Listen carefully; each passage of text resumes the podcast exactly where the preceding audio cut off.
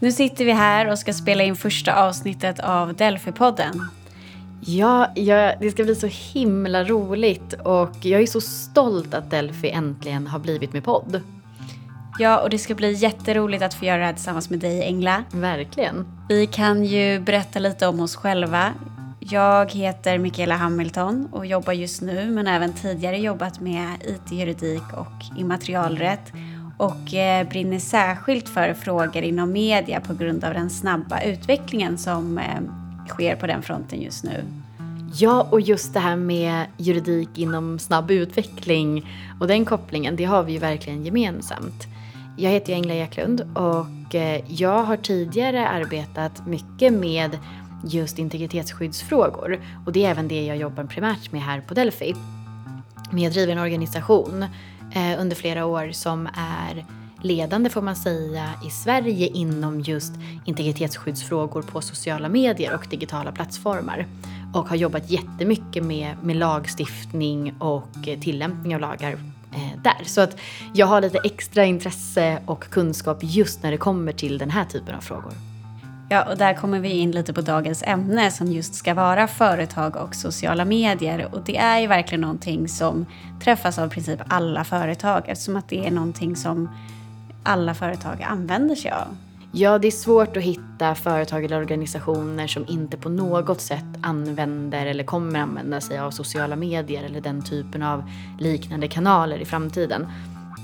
Och eh, det som jag tror är, är problemet här det är att utvecklingen går ju så mycket snabbare än vad juridiken gör ofta. Och jag, eh, det har delvis funnits en bristande kunskap men också en medvetenhet om vilka lagar och regler som följer med ut på de här digitala plattformarna för att veta vad man har för skyldigheter och vilka krav som ställs på företag och organisationer men även privatpersoner när man flyttar ut i det digitala.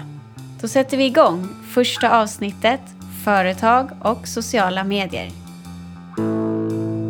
Mm-hmm.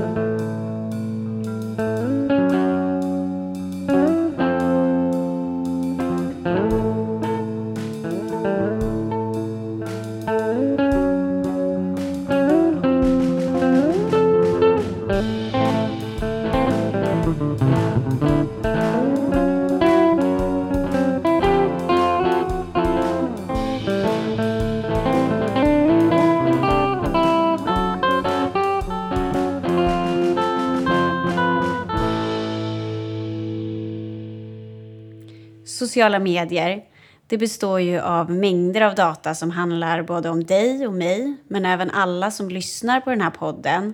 Så här kommer vi in i juridiken på en gång. Ja, det gör vi. Och det för ju oss ofrivilligt in direkt på GDPR. Men bear with us, för här gömmer sig viktiga tips som många i sitt GDPR-arbete, som man har gjort tidigare eller arbetar fortfarande med, har missat. Och det är nämligen ansvaret för behandling av uppgifter och data som sker på sociala medier. Ja, och extra intressant blir det gällande sociala medier i förhållande till hur det var före GDPR.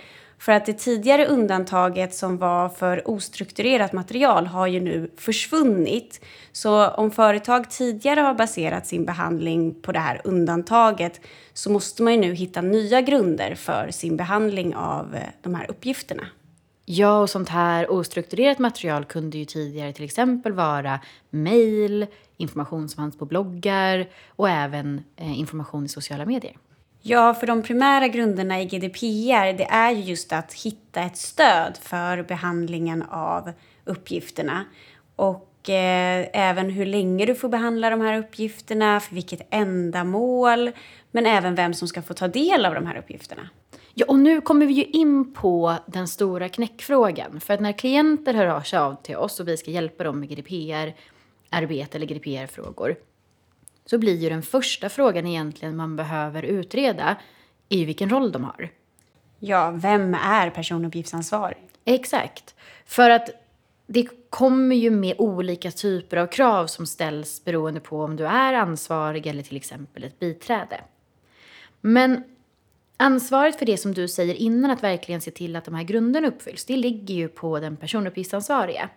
Och att vara personuppgiftsansvarig, hur man gör den bedömningen är att genom att titta på vem som faktiskt bestämmer ändamålen och medlen med behandlingen. Och med det menas egentligen vem är det som bestämmer vilka uppgifter vi ska samla in, hur de ska behandlas och varför. Ja, och när man då ska ta den här frågan till sociala mediekontext så blir det ju extra relevant med just personuppgiftsansvar. Och då kan man ju ta Facebook som exempel. Då är ju Facebook eller liknande plattformar eh, primärt ansvariga för sin behandling. Men det innebär ju inte att Facebook är ensamt personuppgiftsansvariga för all behandling som sker på Facebook. Nej, och det är ju här den här stora knäckfrågan kommer in. Och det stämmer ju verkligen. Och det här bekräftades ju i en relativt ny dom från EU-domstolen som förvisso baserades på dataskyddsdirektivet. Men det finns ingen anledning att egentligen tänka att EU-domstolen hade gjort en annan bedömning om frågan hade lyfts nu, men istället med tillämpning av GDPR. Och det som var frågan i det här målet var om personuppgiftsansvaret för en så kallad fanpage på Facebook. Och det som EU-domstolen kommer fram till är att man har ett så kallat gemensamt personuppgiftsansvar tillsammans med Facebook. Men det intressanta här är även utöver att man faktiskt har det här gemensamma ansvaret och att man diskuterar just ansvaret även för andra parter än Facebook så är det användningen av begreppet gemensamt personuppgiftsansvar. Och ett begrepp som inte fanns reglerat av direktivet tidigare men som nu finns medtaget och definierat i förordningen. Och jag tror inte att EU-domstolen avser att göra den bedömningen eller tolkningen av det gemensamma personuppgiftsansvaret enligt GDPR. Och anledningen till det är att när man man kan antingen ha separata personuppgiftsansvar. Alltså att man har en part som är personuppgiftsansvarig och en annan part som också är personuppgiftsansvarig. Man har olika ändamål och medel men däremot så kanske man råkar behandla samma data. Och i det här fallet så är det ju så, Facebook har ju sina ändamål och medel vid behandling på plattformen. Men ett företag som till exempel har en företagssida har ju egna ändamål och medel med det som sker på den sidan. Men är man gemensamt då krävs det enligt förordningen till exempel att man har ett avtal där man reglerar ansvaret mellan sig, eh, vad som händer vid olika, vem som ansvarar för att genomföra den enskildes rättigheter och så vidare. Och man måste också bestämma ändamålet och medlet tillsammans. Ja, och där blir det ju, det är ju väldigt sällan och i princip aldrig som Facebook och ett företag skulle ha ett eh, ändamål eller samma ändamål för behandlingen. Nej, ett exempel när man pratar om gemensamt personuppgiftsansvar är ju om man ska, till exempel två företag ska tillsammans hålla ett evenemang. Så att för behandlingen av, av gästlistan till det här evenemanget så har man ju samma ändamål och medel. Och då är båda ansvariga för den. Så att det här är ju helt andra situationer än det vi pratar om nu. Och det här innebär ju även att företag, organisationer, myndigheter men till och med privatpersoner kan vara ansvariga för deras egen behandling som sker på olika sociala medieplattformar. Och det är ju då exempelvis sådana företagssidor som många företag använder sig av. Men även Twitterkonton eller liknande. Ja, för att ansvar aktualiseras ju baserat på att du behandlar den här typen av uppgifter som GDPR eh, kan tillämpas på. Men det finns ju vissa undantag. Till exempel så behandling som sker för rent privata ändamål eller i samband med personens hushåll. Till exempel middagen från igår eller bilder på ens barn eller söta kattungar. Ja, och det är ju väldigt skönt att det faller utanför. Precis. Och utöver det så finns det också vissa typer av av skapande som faller utanför till exempel eh, sådant som skrivs för journalistiska ändamål, akademiskt, konstnärligt eller litterärt skapande. Men även sådant som omfattas av grundlagsskydd. Det kommer vi in lite senare på i podden. Ja, då ska vi prata om just grundlagsskyddet. Men sånt faller utanför. Men det är ändå viktigt att man tänker på att så fort det är ett syfte att främja kommersiella, politiska eller välgörande ändamål eller vid sidan verkar som en samarbetsplattform för en förening eller ett företag. Eller att en person agerar på uppdrag av ett företag eller en förening, då hamnar man ju utanför det här privatundantaget och då blir GDPR tillämpligt. Exakt, och där får man ju då tänka sig att att även personer med privata konton som agerar just som du säger på uppdrag av någon annan, då får man verkligen titta på vad är det, vilken roll har du? På den här plattformen? Och då kan man sugas tillbaks och så hamnar man i GDPR.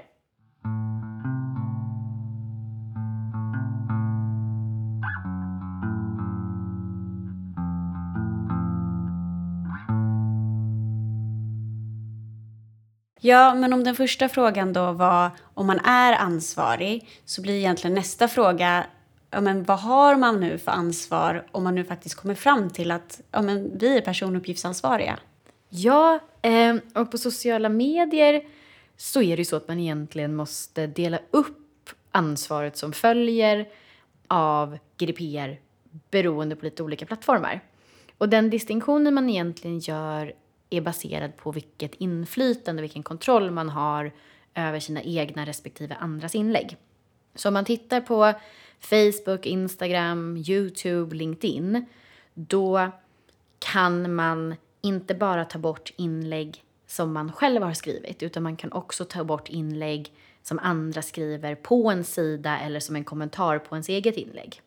Och har man den kontrollen, då kan man ansvara för delvis sina egna publiceringar, men också för andras publiceringar på ens sida.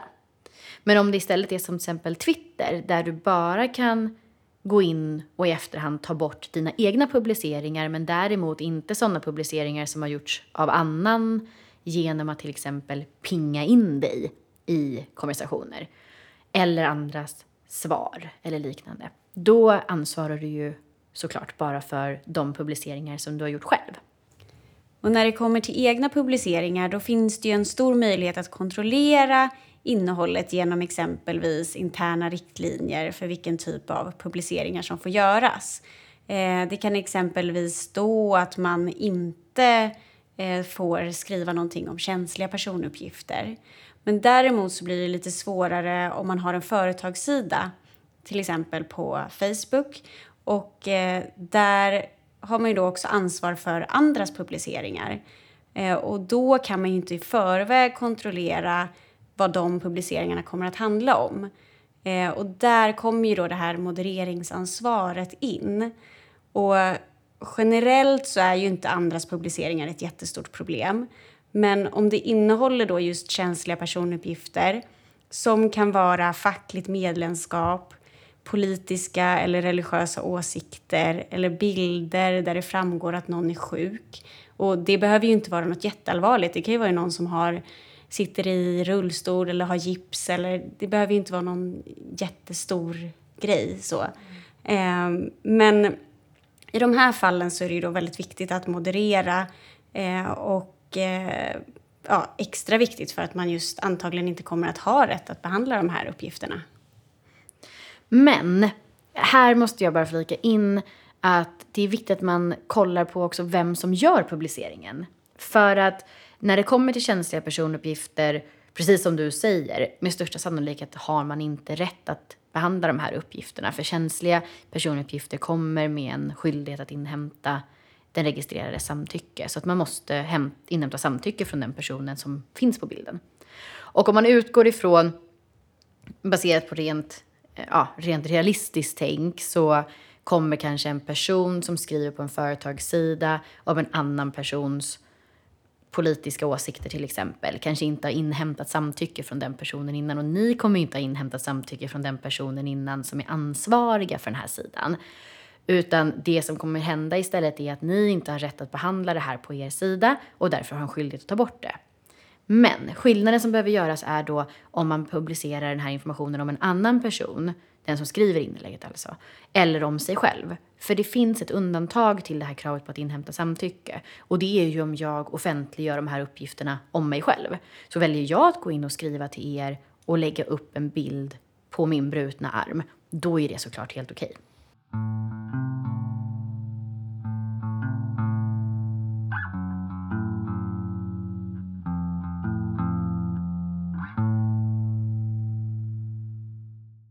Men den vanligaste frågan som vi får gällande just sociala medier är ju ofta publicering av bilder och då främst mingelbilder. Ja, det får man ändå säga att det är. För de flesta företag vill ju finnas på sociala medier och kanske lägga upp att de har roliga evenemang eller seminarier eller liknande.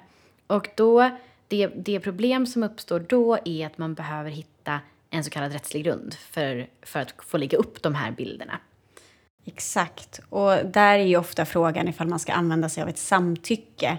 Det är ju ofta man tänker att eh, ett samtycke, ja men det är väl bra, vi frågar alla personer. Men det skulle ju krävas att fotografen på det här eventet springer runt med någon slags, eh, antingen någon slags digital möjlighet att, att samtycka till det här eller någon slags pappers utdelning med hela integritetspolicyn. Och har man ett event med flera hundra personer så är det helt orimligt, det säger ju sig självt. Ja, det blir ju helt onödigt krångligt eh, och därför så kan man ju verkligen behöva hitta en annan rättslig grund för att kunna ha den här typen av eh, bilder. Ja, men och här har ju Datainspektionen tyckt till. Ja, de har ju kommit faktiskt med ett utlåtande om just det här och då har man ju pratat om en intresseavvägning. Mm. Att om, om ett företag ska eh, informera om sin verksamhet då kan man faktiskt använda sig av en intresseavvägning i det här fallet. Ja, och det man ska tänka på då är ju bara att det är viktigt att man dokumenterar hur man har resonerat kring den här intresseavvägningen. Och sen får man inte glömma, och det här kommer vi komma in på alldeles strax, men man får inte glömma att ta höjd för det här i sin policy. Man måste ju ange att man faktiskt stödjer den här behandlingen på den grunden och att vad ens intresse egentligen är. Men det finns ju ett problem för myndigheter här. Ja, nej men de kan ju inte använda sig av en intresseavvägning här. Men en myndighets uppgift är ju att tillhandahålla just information om sin verksamhet. Och det framgår ju av myndighetsförordningen. Och därför så blir ju deras eh, rättsliga stöd för det här ett, allmänt, allmänt intresse. intresse. Precis, ja. och det är ju superspännande eh, för då ger man alternativa möjligheter till både myndigheter och organisationer för att eh, kunna publicera den här typen av bilder. Så här öppnar man ju verkligen upp för att förenkla den här typen av behandling. Men nu har vi ju pratat om fråga ett, vem som är ansvarig. Fråga två är vad är man ansvarig för? Och nummer tre tänker jag är hur uppfyller vi då de här det här ansvaret som vi, vi har på sociala medier. Ja, och det blir ju primärt då att man informerar, man modererar, men också gallra. Ja, och gällande informationskravet så rekommenderar ju vi att organisationer tar höjd för behandlingen som sker i sociala medier i sin integritetspolicy. Det är ju primärt där man informerar registrerade och de man behandlar personuppgifter om, om hur man gör det. Och där behöver man egentligen bara ta med behandlingen som sker i sociala medier och sen länkar man till den på de plattformar där man finns. Och det här bör ju vara synligt på ett sätt så att det är lätt för den registrerade att ta del av den här informationen även från sociala medier. Och angående moderering så rekommenderar ju vi att ni har egna regler för de inlägg som ni själva gör. Men primärt så ska ni ju se till att ni modererar sådana inlägg som publiceras av andra där ni då har ett ansvar. Och särskilt om de här inläggen innehåller uppgifter om andra personer. Ja, men precis. Och det här är ju kopplat till då gallringsbiten, vilket är att sådana inlägg som man inte har en rättslig grund eller får behandla längre, sånt måste ju tas bort. Men eftersom att majoriteten av de publiceringar som sker på sociala medier sker med stöd av en intresseavvägning, det gäller ju inte bara bilder utan nästan alla inlägg kommer ske med den rättsliga grunden. Och i de situationerna så är det ju så att ändamålet kanske löper under hela tiden och upphör inte egentligen eftersom att ändamålet kanske är att informera om verksamheten så försvinner det ju inte efter ett år eh, den, det intresset av att veta att verksamheten har funnits i flera år till exempel och att vi har evenemang varje år till exempel. Men är det så att det finns ändamålsspecifika publiceringar, till exempel tävlingar eller information om särskilda evenemang som innehåller personuppgifter men där ändamålet inte är just att man ska informera om verksamheten eller hur det var på evenemanget utan kanske inför evenemanget och det innehåller personuppgifter. Då kan det vara bra att ha rutiner för när man tar bort sånt som har ett kortare ändamål. Och där får man ju liksom titta lite då på när upphör egentligen ändamålet hos den här publiceringen. Exakt. Och vid en tävling så blir ju det när tävlingen har inletts. Exakt. Och sen kan det finnas en eh, skäl att publicera efter tävlingen igen vem som vann. Och då får man egentligen på nytt sen ta ställning till hur länge behöver vi ha den här informationen uppe och så vidare. Så där är det upp till, till organisationen att titta på vad man har för rättslig grund och sen koppla det till när gallring ska ske. Men där kan man också ta hjälp såklart om man är osäker.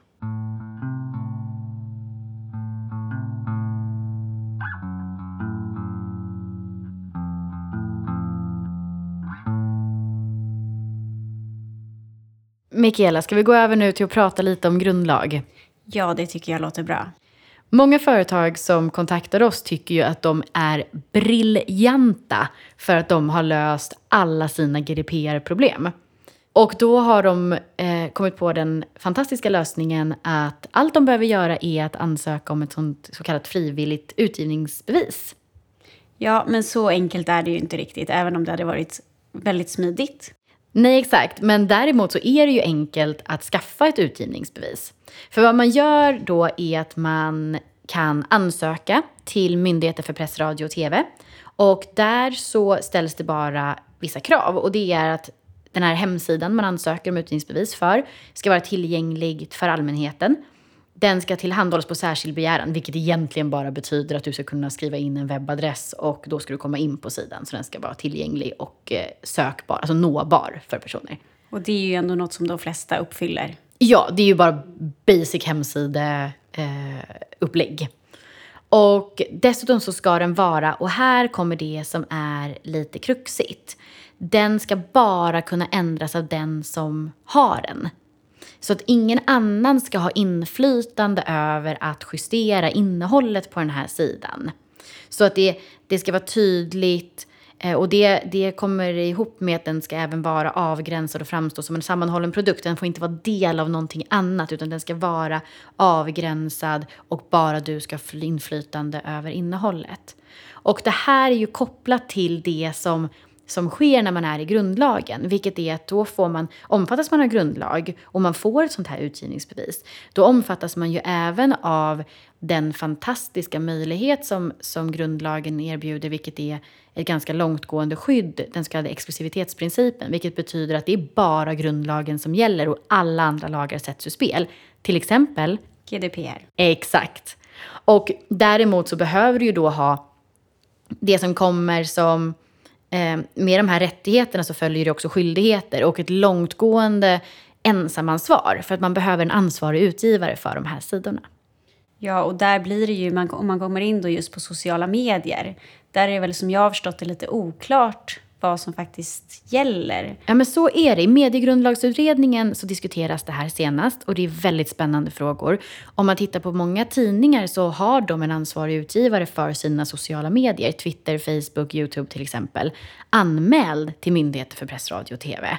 Men i dagsläget så är det oklart huruvida man kan anse att till exempel en tidnings Facebook-sida är tillräckligt avskilt från övriga Facebook till exempel. Men dessutom, är det verkligen så att det bara är den här tidningen som kan ändra saker på sin sida när Facebook har en faktisk möjlighet att gå in och göra justeringar också? Ja, det där blir ju superintressant. Men någonting som blir lite enklare, det är ju till exempel en blogg. Där kan man ju väldigt tydligt se att ja, man, man har ju kontroll över sin blogg och det man skriver. Men sen så kan det ju vara att man har ett kommentarsfält där andra personer kan gå in och skriva. Och det är just den delen som eh, GDPR spelar in, för då kommer ju GDPRs regler att eh, gälla istället. Ja, men precis. För att om man tänker att en hemsida har en bit som innehåller då det redaktionella, alltså det som, som man själv kontrollerar och skriver. Men så vill man ha ett kommentarsfält, alltså en möjlighet för, för personer att interagera med dig som företag till exempel. Då är det ju så att för att man inte för att man ska kunna ha ett sånt kommentarsfält och inte helt förstöra att man antingen har grundlagsskydd för hela webbplatsen så att det grundlagsskyddet inte, det går inte att få grundlagsskydd på grund av att andra personer kan ju gå in och påverka innehållet. Eh, alternativt att du dessutom får ett ensamansvar över det som andra skriver, för det vill du ju inte heller ha. så krävs det att det här kommentarsfältet är tydligt avskilt från övrigt. Så att man får ha ett kommentarsfält men det måste för tydligt framgå att det här är frånskilt det som omfattas av grundlagsskyddet. Och i de situationerna så gäller ju alla vanliga lagar, bland annat GDPR, precis som du säger, på kommentarsfältet. Och vi kommer prata lite senare om de andra lagarna. Men, men här ska man bara komma ihåg det att det enda som omfattas av grundlagsskyddet och som gör att GDPR inte tillämpas fullt ut är ju det som är grundlagsskyddat. Så har du ett kommentarsfält faller det utanför och det är bara hemsidan. All annan behandling som företaget gör kommer ju fortfarande behöva anpassas och eh, förhålla sig till GDPR. Men just hemsidan kan du få ett skydd för. Ja, nej, men sen så ska det ju också sägas att det krävs ju inte nödvändigtvis ett utgivningsbevis för att man ska undgå att omfattas av alla GDPRs eh, regler. För det finns ju som vi tidigare har nämnt eh, undantag för just journalistiska ändamål. Ja, och det här, när man pratar om journalistiska ändamål så betyder inte det nödvändigtvis att det måste vara eh, yrkesverksamma journalister som skriver innehållet på den här webbplatsen till exempel. Utan det räcker med att syftet är att förmedla information till allmänheten. Så att det krävs inte att man når upp i någon form av hög nivå av journalistisk granskning. Utan där har man tittat på tidigare rättsfall, eh, förvisso enligt personuppgiftslagen, men men jag tror att den tolkningen kvarstår, att, att även kränkande journalistik och, och osmaklig journalistik kan omfattas. Precis, det är ju en väldigt bred tolkning av just journalistik. Exakt, så att om man har det syftet som då kan anses vara journalistiska ändamål finns det även där ett undantag att inte eh, GDPR sätts inte ur spel helt och hållet men det är väldigt mycket av de kraven som är svåra att uppfylla i GDPR de behöver du inte. Exempelvis informationen, att man ska kunna informera. Den försvinner ju. Exakt.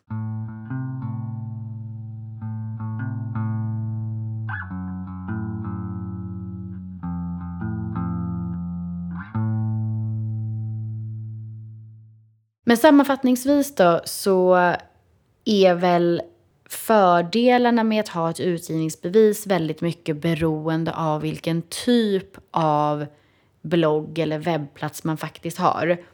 Sammanfattningsvis kan sägas att det finns olika för och nackdelar med utgivningsbeviset. Och det som är fördelar är ju att det finns många av bestämmelserna i GDPR som du slipper ta hänsyn till. utöver det sätts alla andra all annan lagstiftning också åt sidan eh, till förmån för just de, den brottskatalog till exempel som finns i grundlagen. Att om du begår brott på hemsidan så är det bara eh, de som tillämpas. Men det finns också, det kommer ju också med en långtgående skyldigheter för den som är ansvarig utgivare för den här webbplatsen. Så att här tycker jag att man får titta på behovet och de, den typen av publiceringar man gör på sin hemsida eller blogg och det får någonstans leda till om, om utgivningsbevis är den bästa lösningen. Sen ska man ju, precis som du påtalade innan, inte glömma det här journalistiska undantaget. Och är det så att man skriver väldigt mycket eh, redovisande artiklar om olika saker, då kanske det inte nödvändigtvis är så att man behöver ett utgivningsbevis. Nej, för det är ju fortfarande ett ansvar som man tar på sig som ansvarig utgivare. Ja, och det som kan sägas däremot är väl att man ska försöka undvika att tänka att man skaffar ett utgivningsbevis med enda anledning att kringgå reglerna i GDPR.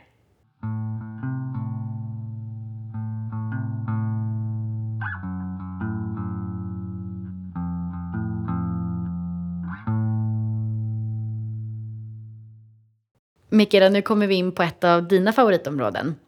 Ja, marknadsföring det är ju någonting som är väldigt viktigt just när det kommer till sociala medier. Ja, och det, det är väl få företag egentligen, organisationer som via sin eh, närvaro på sociala medier inte ägnar sig åt någon typ av sociala medier marknadsföring.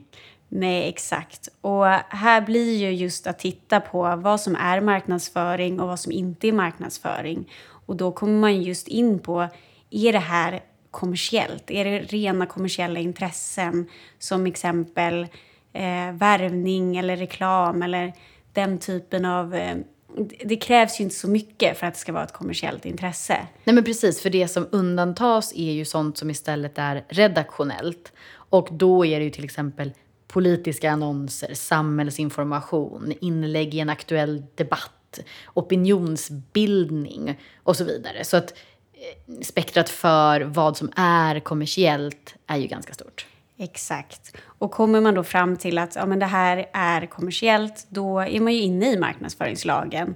Men även, man får inte glömma lag om namn och bild i reklam som, som man ofta kommer in på. Den är ju ofta eh, tillämplig när det är kändisar det handlar om. För man vill ofta nämna någon kändis för att få lite extra spinn på sin marknadsföring. Ja, men där har vi väl sett rättsfall på både Carola och Robert Gustafsson. Exakt. Min favorit däremot, om vi ska ta ett exempel, är eh, har du, eh, äter du turkisk yoghurt? Du vet turkisk yoghurtgubben som är på alla turkisk yoghurtpaket. Ja, ja. Ja, ja. Nu, nu är jag med. Turkisk yoghurtgubben. Eh, om ni inte vet vilken det är, vem det är, gå till er närmsta mataffär och kolla. För att här har vi turkisk yoghurtgubben. Turkisk yoghurtgubben hade en svensk släkting som ringer upp honom och förklarar du finns på varenda eh, turkisk yoghurt i Sverige. Turkisk yoghurtgubben är dessutom grek och inte från Turkiet. Eh, och det här leder till, i slutändan till en förlikning. Men det man pratade om var ju just att det här utgjorde ett brott mot lagen om namn och bild i reklam. För att de hade ju använt den här bilden i reklamsammanhang och gjort honom till turkisk yoghurtgubben för deras varumärke utan att ha inhämtat samtycke. Exakt, för det är det som är kravet mm. enligt lagen om namn och bild i reklam. Ja, och sen så kommer man in då som jag nämnde på marknadsföringslagen och där är ju det viktigaste ändå att det tydligt framgår att det är, det är marknadsföring som det här handlar om. Det får inte på något sätt vilseleda konsumenten, utan man ska veta att det här är marknadsföring. Och där kan man ju se i sociala medier att det till exempel finns de här samarbete med eh, knapparna som dyker upp till exempel på Instagram eh, när det rör sig om, om just samarbete och sponsring. Ja, och det kan vi ju flagga för att vi ska ju ha ett helt avsnitt om just eh, influencer marketing. Ja, precis, för att där är det ju lite intressant just gällande ordet samarbete, huruvida det är tillräckligt ja. eller inte. Så vi kör en liten cliffhanger. Yes.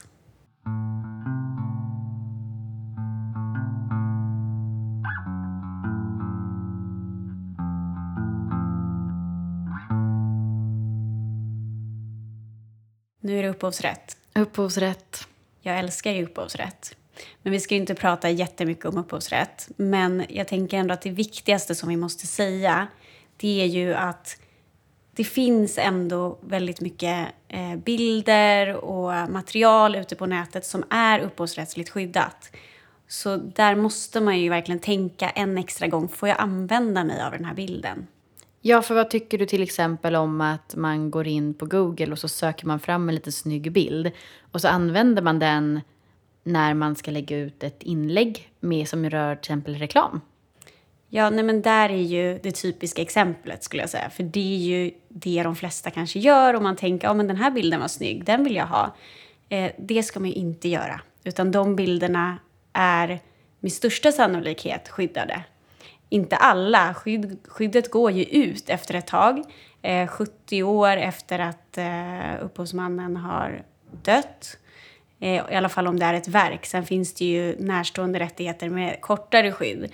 Men jag tycker att man ska alltid kolla en extra gång och tänka en extra gång när man använder sig av en bild. Eller man får ju komma ihåg att det kan även vara musik eller en text. Så att det finns väldigt mycket där ute på nätet som man inte ska använda sig av. Ja, man ska väl utgå ifrån att tar du någonting som du inte har gjort själv, vare sig som du säger det är en bild, text, musik eller vad som helst, utgå ifrån att det är upphovsrättsligt skyddat och antingen så får du eh, rättigheterna eh, att använda det här för ett visst ändamål av den som är rättighetsinnehavare eller så finns det i vissa fall en möjlighet att man kan citera till exempel och hänvisa till källan. För länkning däremot är ju generellt sett okej okay att göra. Ja, nej men precis. Det finns ju flera avgöranden om just länkning och det är oftast okej. Okay. Och det kommer vi ju prata om faktiskt eh, ett helt avsnitt. Inte just om bara länkning, men upphovsrätt och vad som gäller där. Ja, så då får vi, då cliffhangar vi lite till.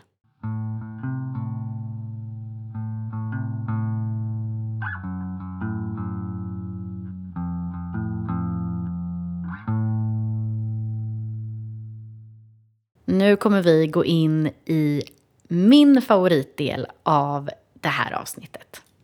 Ja, det här är ju din älskling, Engla. Det är det verkligen, för att jag jobbar ju mycket. Jag nämnde lite kort i början att jag arbetar med många frågor som rör annan typ av integritetsskydd på nätet. Till exempel förtalsbestämmelser och alltså integritetsskydd som följer av eh, straffrätten. Och det kommer vi komma in på nu. För att det vi ska ha kvar att prata om, det är ju vilka andra lagar och regler som kan tillämpas på sånt material som finns på sociala medier. Och då är vi primärt inne i andras publiceringar och modereringsansvar för sånt som sker i till exempel kommentarsfälten. För att vi pratade ju om att det finns en modereringsskyldighet enligt GDPR. Ja, eller det framgår ju inte direkt av GDPR att det finns en skyldighet att moderera. Däremot så har du ju en skyldighet att se till att du har rätt att behandla de uppgifterna som finns på sidor som du kontrollerar. Och då blir ju följden indirekt en modereringsskyldighet. Ja, men precis. Men däremot så har vi en annan lagstiftning som inte är GDPR, som har, där du har en faktisk direkt modereringsskyldighet. Och den heter BBS-lagen och den står för Bulletin Board System, vilket Eh, och den, på svenska heter det långa namnet Lag om ansvar för elektroniska anslagstavlor. Det låter inte jättekul. Nej, elektroniska anslagstavlor är ju någonting som man kanske ska fundera på att byta ut. Men det man menar är egentligen möjligheter, digitala kommunikationstjänster. Alltså anslagstavlor, dåtidens anslagstavlor i dagtidens kommentarsfält till exempel. Exakt. Och i den här eh, modereringsskyldigheten eh, finns det ett ansvar att ta bort uppenbara fall av vissa brott. Och de brotten är till exempel eh, uppvigling, hets mot folkgrupp, barnpornografi, olaga våldsskildring, upphovsrättsintrång, olaga integritetsintrång och olaga hot. Och vi kommer ju säkert i framtiden att ägna ett avsnitt åt att prata lite mer om, om liksom brott på nätet. Vi kommer säkert få anledning att falla tillbaka till det här eh, senare i något annat avsnitt. Så att vi ska inte lägga jättemycket tid på att gå igenom vad de här brotten innebär. Utan det man behöver veta bara är att i vissa fall när det föreligger en uppenbar skyldighet, till exempel på ens kommentarsfält på ens blogg. I de fall det finns ett uppenbart fall av exempel ett hets mot folkgrupp där, då har de skyldighet att ta bort det. Men det här kan ju vara någonting som företag väljer att de vill göra Även om de inte bedömer att det följer av ett ansvar av BBS-lagen. För att man vill inte ha massa otrevligheter kanske i sitt kommentarsfält. Nej, det är ju inte jättebra för marknadsföring eller goodwill eller hur man än ser på det. Nej, så att här följer ju en kanske moralisk modereringsvilja eh, och dessutom i vissa fall där det är verkligen tydligt att det begås ett brott i eh, ett kommentarsfält till exempel så finns det en, ett juridiskt ansvar att moderera.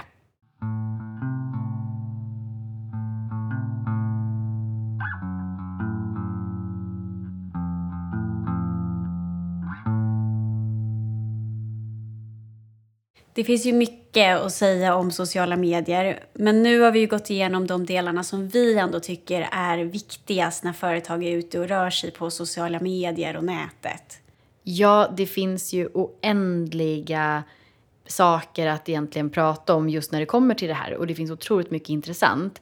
Men det här är de bitarna som jag tror är mest vanliga och de stora utmaningarna som företag verkligen har om man då vill, vill finnas och vara en del och utnyttja de möjligheter som sociala medier och nätet ändå erbjuder.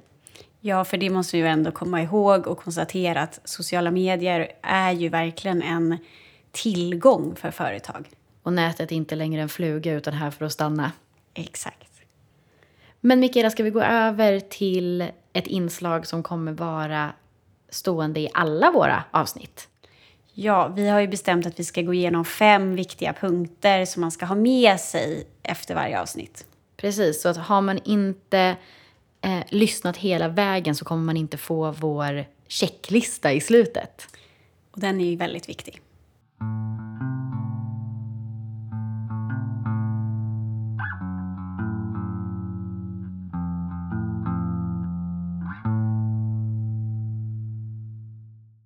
Okej, Mikaela. Ska vi ta varannan punkt? Det tycker jag låter bra. Då börjar jag med informera.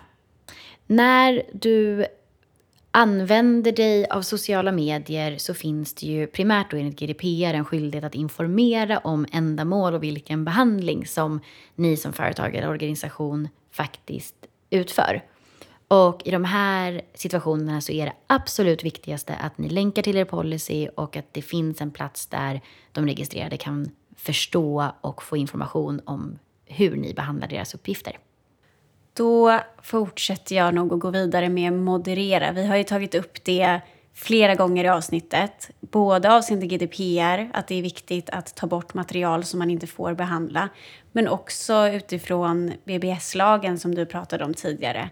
Så moderera det som finns på era både hemsidor eller sociala medier eller på alla ställen. Nummer tre, radera. Och det här följer ju lite av det som du precis sa om moderera. Att för det fall att ni hittar sånt som inte ska vara där, antingen i ett GDPR eller straffrättsligt eller av andra anledningar, se till att ni raderar sånt.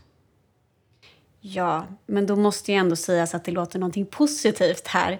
Att man måste ju ändå utnyttja internets möjligheter, men just det här, ta ert digitala ansvar. Och känner ni att det är för svårt att förstå vad det här digitala ansvaret innebär, ta hjälp om ni är osäkra. Vill du komma i kontakt med oss eller ha frågor rörande Delphi-podden så finns vi på sociala medier.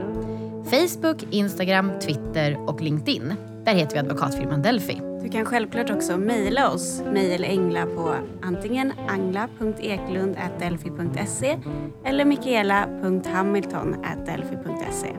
Sen finns det självklart all information på vår hemsida www.delphi.se. thank you